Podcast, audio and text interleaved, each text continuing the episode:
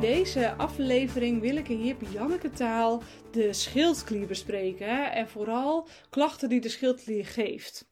We kennen, denk ik, allemaal wel eens gehoord van een trage schildklier of juist een snelle schildklier. En dat je daar of overgewicht of ondergewicht van krijgt, of heel weinig energie of heel veel energie. Nou, het gaat nog eigenlijk veel verder dan dat. En veel meer mensen hebben last van schildklierproblemen dan dat ze denken. Dus in deze aflevering ga ik niet de hele techniek achter alle hormonen uitleggen, maar ik ga vooral uitleggen wat kan er misgaan en hoe los je dat dan op.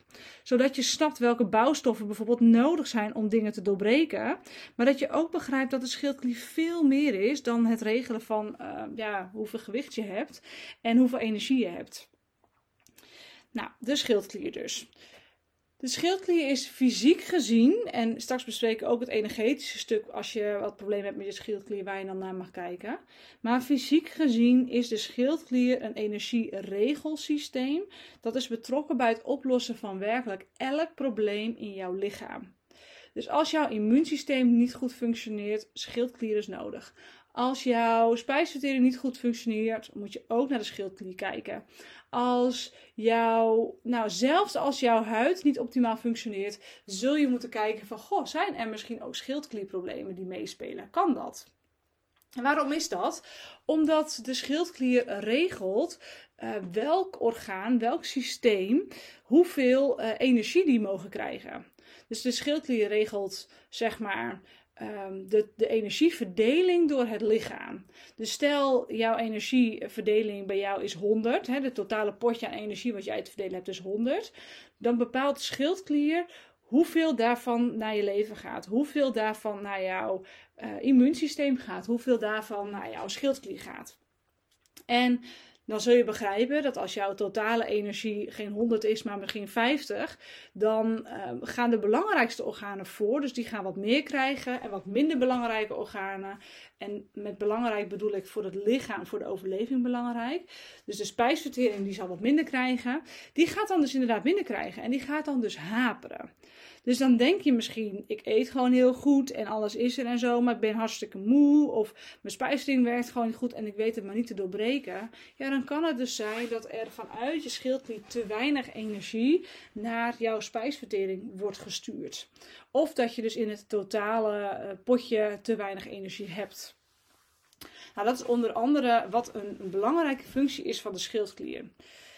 Nou, hoe bepaalt de schildklier dat dan? Nou, dat is dus op basis van de hormonen die aangestuurd worden vanuit het brein. Dus de schildklier krijgt vanuit het brein bepaalde prikkels. En die um, ja, krijgt daardoor uh, de boodschap van zo moet je het gaan doen. En dat is over het algemeen gericht op uh, stress. Dus stel dat er een stressvolle situatie is en de meest logische voorbeeld daarvan is: hey, er staat een leeuw voor je neus. Dan komt er vanuit je brein de prikkel naar de schildklier. Alle energie moet naar het hart, de hersenen en uh, naar de spieren. En dan kun jij rennen als, als ik weet niet wat. En dan wordt in één keer alle energie bij je immuunsysteem en je spijsvertering vandaan getrokken. Want ja, wat heb je te verteren als je weg moet rennen voor een leeuw? Dat doet er niet toe. Dus dat, dat is een beetje hoe dat werkt. En als je dus chronische stress hebt, dan zul je ook zien dat uh, de energieverdeling dus gewoon niet optimaal is. En dat bepaalde uh, minder belangrijke systemen minder energie krijgen. En als dat dus langdurig is, dan heb je dus ook uh, op een gegeven moment dat die fysieke klachten echt, echt groot worden. En dat, die, dat je hele spijsvertering gewoon overhoop ligt. Omdat daar gewoon langdurig te weinig energie naartoe gaat. Nou, het is dus belangrijk voor elk probleem. Eh, als jij iets moet oplossen, als je ergens problemen hebt, moet er ook naar die schildklier gekeken worden. Nou, en waar kijken we dan naar? Allereerst wat ik bij, uh, bij cliënten uh, regelmatig onderzoek, niet altijd, want ik kan wel aardig uitdokteren van tevoren al op basis van vragen, moeten we hier naar kijken. Maar dat is of er voldoende jodium aanwezig is. En dat zijn best lastige testen, omdat je kunt wel je bloedwaarde meten, maar daar heb je niet zoveel aan. Want we moeten weten hoeveel er in de cellen zit. En dat kun je doen met een urinetest, waarbij je gaat kijken naar, oké, okay, hoeveel jodium scheidt jouw lichaam uit via de urine. En wat zegt dat dan over, hè, dat is dan een overschot, wat zegt dat dan over de waarde die er in het lichaam aanwezig is? En op basis daarvan kunnen ze dus bepalen hoeveel jodium jij in je cellen hebt en of daar een tekort is. En vergis je niet, 70 tot 80 procent van de mensen heeft een tekort. Dus het is wel een interventie die ik uh, bij vrijwel iedereen inzet om op een bepaald moment uh, geactiveerd jodium te gaan toedienen om die boel weer op te lossen. Want jodium, zoals wij het over het algemeen eten, is uh, niet uh, actief. Het kan bijvoorbeeld zijn in de vorm van kaliumjodide. Nou, dat is niet actief, zo krijgen we het binnen. En dat moet met behulp van selenium nog actief gemaakt worden.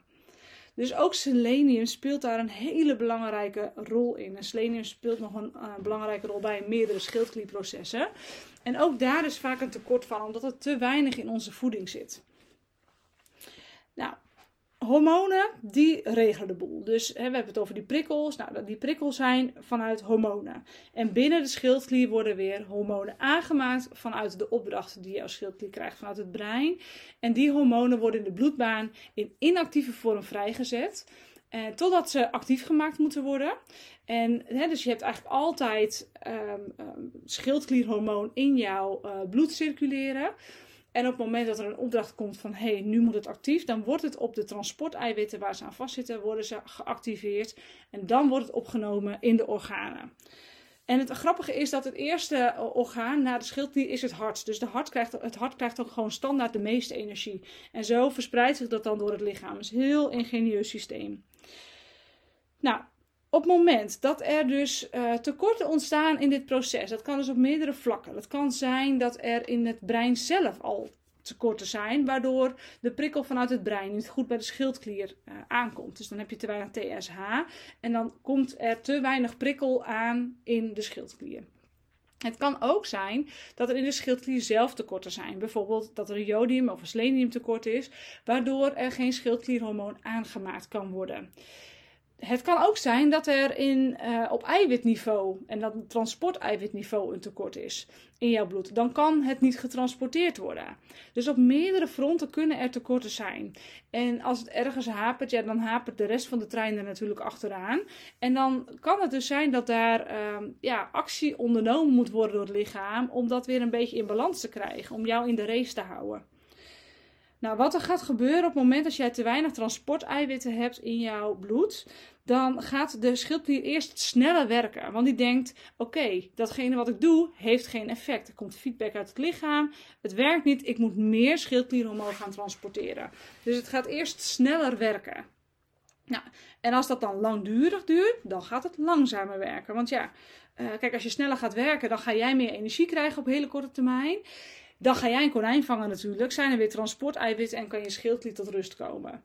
Dat is een beetje het idee erachter. Maar ja, als jij uh, geen konijn gaat vangen, omdat je natuurlijk helemaal niet meer weet dat je een konijn moet gaan vangen. En het komt niet in je op om even naar de koelkast te lopen. Of om de juiste eiwitten te gaan gebruiken. Want dat is vaak wat er dan speelt. de juiste eiwitten komen niet binnen. Dan, um, dan gaat je schildklier op een gegeven moment langzamer. Dan gaat hij op de spaarstand. Want ja, ik moet het een beetje rustig aandoen. Want er is dus kennelijk, er zijn niet genoeg konijnen. Dus ik moet op de spaarstand gaan om dit ook gewoon goed door te komen. Nou, je kunt al merken dat daar dus uh, ja, daar ga, je, daar ga jij wel wat van merken. Daar ga jij wel klachten krijgen. Nou, wat ik ook al zei, van, hè, de, om, om um, jodium te activeren is er selenium nodig. Maar om ook het inactieve schildklierhormoon actief te maken is er ook selenium nodig. En die selenium, dat kan je alleen maar binnenkrijgen via voeding of dan via suppletie. Dus wat ik vaak doe op het moment dat iemand een uh, trage schildklier heeft, gaan we eerst zorgen dat die selenium opgenomen kan worden. Nou, vitamine A is daar een hele belangrijke bij. Dus de cel die heeft een soort van uh, slot. En in die slot past een sleutel, dan gaat die open. Dan kan selenium de cel in, gaat het deurtje weer dicht en dan kan alles functioneren. Uh, maar op het moment dat die, dat slot zeg maar roestig is, ja, dan, uh, dan gaat die sleutel er niet in passen. En dan gaat dat dus allemaal niet werken. Dus dan kun je selenium hebben, maar dan wordt het niet opgenomen in de cel. Ja, daar heb je vitamine A bij nodig om dat slot soepel te houden. Daar heb je ook uh, visolie bij nodig, EPA-DH is dat. Um, maar je hebt ook wat vitamine D bij nodig, maar het belangrijkste is vitamine A. Dus dat ga je suppleren, dat ga je aanvullen. Vervolgens ga je selenium aanvullen. Vervolgens kun je jodium gaan aanvullen en dan gaat die boel weer werken. En uh, dat is dan in het geval van als dus het probleem is dat uh, ja, er een probleem is met de opname van selenium in de cellen. Oké, um, op het moment dat er een tekort ontstaat van T3, en T3 is schildklierhormoon in actieve vorm. Op het moment dat daar een tekort van ontstaat, dan gaat je lichaam, wat ik net al zei, die gaat wat slimmigheden doen om jou in de race te houden. En die slimmigheden zijn voor je lichaam heel logisch, ja, voor jou een beetje onhandig. Uh, je cholesterol gaat namelijk omhoog en je suikerspiegel wordt beïnvloed. Dat betekent dat jij suikerspiegel-issues gaat krijgen. Nu is het vaak ook zo dat het omgekeerd ook zo werkt. Dat als jij suikerspiegel-issues hebt, en dat betekent een schommelende suikerspiegel, uh, te veel hoge pieken erin, dan gaat je schildklier daar ook beïnvloed door worden. En als dat dan langdurig is geweest, jaren is geweest, kan het hele systeem totaal ontregeld worden. Dus het schildkliersysteem kan dan ontregeld worden door de instabiele insulinespiegel die jouw uh, ja, suikerspiegel, ja, zeg maar, die jouw uh, pancreas produceert. En die dan in jouw bloed aanwezig is. Dus je cholesterol gaat omhoog dat, en je suikerspiegel wordt beïnvloed. En wat je ook gaat krijgen is dat er uh, geen regeneratie en herstel meer plaatsvindt. Dus in jouw lichaam ben je elke nacht aan het regenereren en opnieuw aan het opbouwen. Dat gaat dan niet of veel minder plaatsvinden. En daar ga je wel wat van merken. Jij gaat achteruit hobbelen. Je gaat allerlei vage klachten ontwikkelen. En allerlei uh, ja, toestanden waarvan je denkt van nou, waar komt dit nou vandaan? Nou, dan kan het dus zomaar zijn dat er een langdurig probleem is geweest met je suikerspiegel. Waardoor jouw schildklier ontregeld is. En waardoor uh, vervolgens alle systemen daarachteraan ook ontregelen. En dit is niet altijd meetbaar in je bloed. Dus ga je naar de huisarts en vraag je om je schildklier te prikken, dan testen ze een aantal hormonen en dan zeggen ze nee, dat gaat hartstikke goed. Maar als jij het transporteiwitten, daar checken ze niet op. Ze checken ook niet op TPO. TPO, een anti-TPO, dat is een, een, een stof die nodig is, of een hormoon die ook nodig is in dit hele proces. Daar wordt ook niet op getest. En waar ze ook niet op testen, en dat is een hele mooie, daar test ik wel op als de schildkliertest, dat is reverse T3. Oftewel de tegenhanger van het actieve T3. Dus waar T3 activeert, eh, remt um, reverse T3 de boel. En die remt dan vooral de spijsvertering. Die remt dan vooral het ontgiftingssysteem. Dus die zorgt er eigenlijk voor dat, dat jouw lichaam in die spaarstand komt. En dat de energie die er is, vooral gaat naar de belangrijkste organen. Dat doet reverse T3. Dat wordt niet alleen maar door stress aangewakkerd, dat wordt ook door een seleniumtekort aangewakkerd. En dan krijg je dus trage schildkliersymptomen, maar dat wordt niet gemeten. Dus het is niet te vinden. Als de huisarts aan je bloed prikt, dan zegt hij: Goh, uh, nee hoor, niks aan de hand, je schildklier is in orde. Terwijl je wel alle symptomen hebt. En dat komt dan dus vaak, en dat is natuurlijk niet altijd zo, hè, er is geen Um, dit geldt voor iedereen verhaal. Maar dan is het dus vaak aan de hand dat het reverse T3 te hoog is. En dan is het een kwestie van je selenium aan gaan vullen. En je vitamine EA aan gaan vullen. Zodat het ook opgenomen kan gaan worden. Ja, reverse T3 is eigenlijk een soort van schakelknopje die ervoor zorgt dat um, jouw lichaam in de spaarstand gaat komen. En als dat dus langdurig iets verhoogd is, dan sta je langdurig iets in de spaarstand. En dan kun je je wel voorstellen dat, uh, dat je daar problemen mee gaat krijgen. Op allerlei fronten. Nou, er zijn wat, uh, wat, wat, wat, wat, wat protocollen die je kunt doen om deze boel te herstellen. Maar ik ben nooit zo van de protocollen. Ik vind het heel belangrijk om te kijken naar wat speelt bij jou. Dus als je hiermee aan de slag zou willen om het echt goed op te gaan lossen, dan raad ik je aan om een strategie-sessie bij me in te boeken, zodat we samen kunnen gaan kijken naar wat jij nodig hebt en, en hoe ik je daarbij zou kunnen helpen. Maar wat ik je nog wel mee wil geven, is dat als er bij jou in de schildklier iets speelt dat er altijd een energetisch aspect bij verbonden is. Nou, dat geldt voor alle fysieke klachten. als dit bij jou een zwakke plek is, daar waar bij jou stress bijvoorbeeld op je schildklier slaat, en terwijl bij een ander stress misschien wel op de huid slaat, dat kan, is jouw schildklier bij jou dan een zwakke plek. En welk thema hoort daar dan bij? Ja, dat is onmacht. Het thema onmacht ik zie heel veel um, klanten die ik in het verleden ook heb geholpen met schildklierproblemen, die ergens in hun jeugd bijvoorbeeld zich onmachtig hebben gevoeld. En het kan dan zijn dat daar bijvoorbeeld misbruik of mishandeling of uh, of dat dan fysiek, mentaal, uh, emotioneel is geweest, dat die hebben toegekeken of het hebben moeten ondergaan, zonder dat ze daar ook maar iets tegen konden doen. En onmacht kan ook zijn, hè, het gaat altijd over jouw ervaring, dus het gaat niet per se over dat, dat is dan, uh, het moet een bepaalde heftigheidsgraad hebben. Het gaat erom dat jouw heftigheidsgraad zo is dat het een impact heeft gehad. Ja, onmacht is dan uh, als jij een situatie ziet waarbij je zo graag iets zou willen doen, maar je kan het niet. Hè? Denk aan uh, kinderen in oorlogslanden. Ja, natuurlijk, weet je, we willen daar met z'n allen wel naartoe rennen om die kinderen op te halen en in onze armen te sluiten.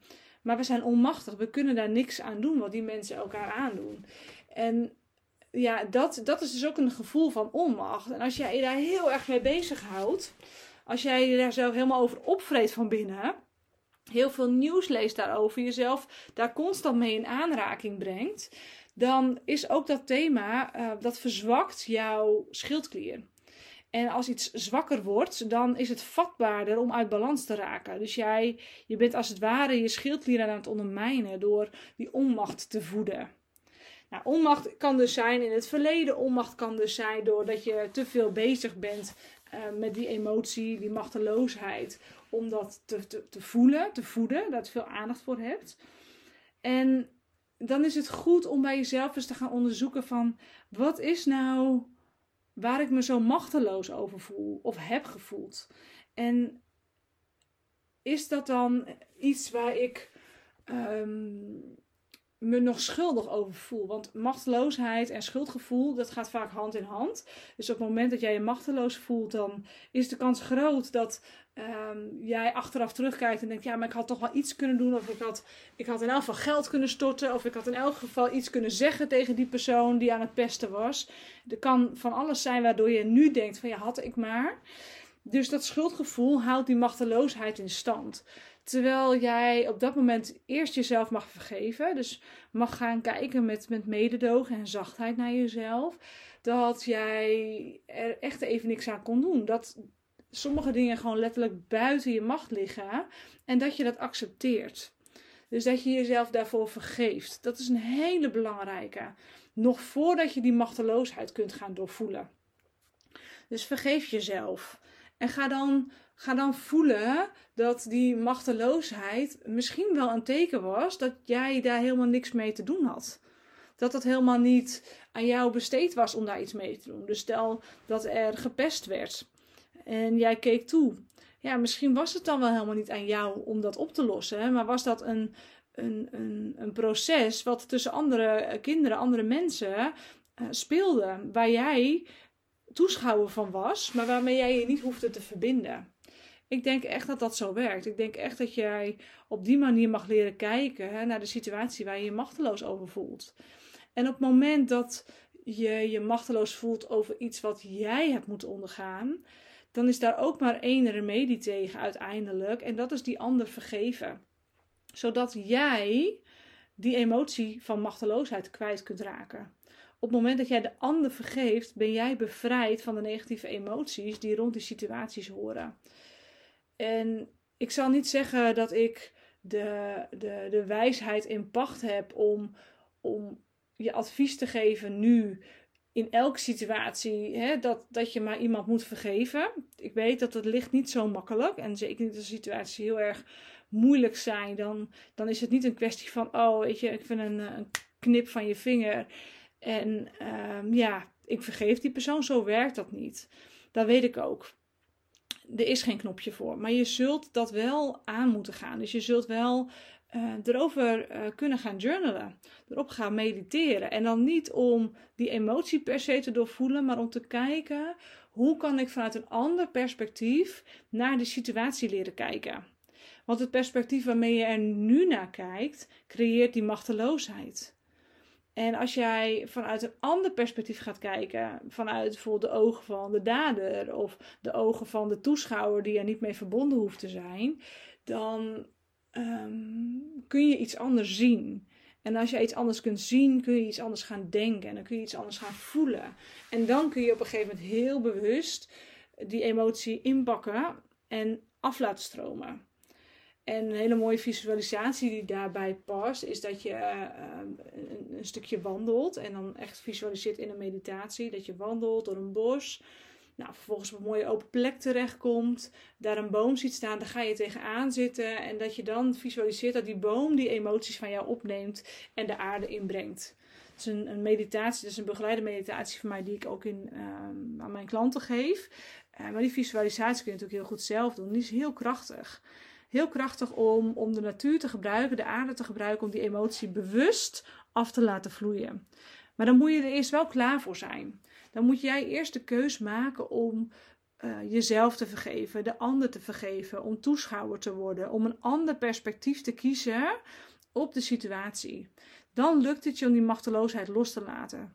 En alle dingen die ik zojuist in het fysieke vlak heb genoemd, gaan pas werken op het moment dat jij de emotionele kant uh, daarvan ook opruimt. Anders ben je aan het dweilen met de kraan open, want jouw schildklier blijft verzwakt. Je schildklier blijft zwak als je dit thema niet oplost. En dat is echt een, uh, ja, een belangrijk gegeven. Dus ik raad je aan om ja, daar actie op te ondernemen, maar wel met zachtheid en mildheid. Dus zie dat voor jezelf ook als een proces waarbij je geen haast hoeft te hebben, wat nu toevallig onder, jou, uh, ja, onder jouw zicht komt en waar je dus wat mee mag gaan doen. Dat gun ik je. Als jij hier samen aan wilt werken met mijn liefdevolle begeleiding, waarbij ik bij jou invoel, wat is dan exact voor jou dat thema? Waar, waar kun jij op loslaten? Waar kan ik jou begeleiden om die energie uit je lijf weg te halen? Dus als je dit niet alleen wil doen, maar samen en tegelijkertijd ook op fysiek vlak erachter wil komen waar jouw schildklier hapert, dan wil ik je uitnodigen voor een strategie-sessie. In een strategie-sessie bespreken we wat er bij jou allemaal aan fysieke klachten spelen, hoe dat invloed heeft op je leven, je business. En um, wat er kan gebeuren als we daarmee aan de slag gaan. Dus zowel praktisch, waar gaan we dan mee aan de slag? Maar wat gaat het je brengen op het moment dat jij je fysieke klachten niet meer hebt? Hoe voelt het als je vrij bent van uh, een trage schildklier of een snelle schildklier of uh, spijsverteringsklachten of energiedips? Wat gaat dat voor jou betekenen als jij vrij bent van de fysieke klachten waar jij mee loopt? Dat gaan we ook bespreken. En op het moment dat je dat perspectief kan zien en ik dat ook voor jou schets, kun je heel helder voelen of de samenwerking met mij wel of niet op dit moment voor jou passend is. Ik begeleid je heel graag ook in dat proces om die keuze te maken. Dus als deze podcast of als mijn energie met je resoneert, dan wil ik je uitnodigen voor een gesprek. Helemaal vrijblijvend, maar wel waarbij ik je ga, en ik hoop ook dat ik dat mag, confronteren met datgene wat jij nodig hebt om je fysieke klachten blijvend op te lossen. Voor nu wens ik je een hele mooie dag. En uh, als je vragen hebt over deze aflevering, mag je me altijd even een berichtje sturen op Instagram of LinkedIn. Tot de volgende aflevering.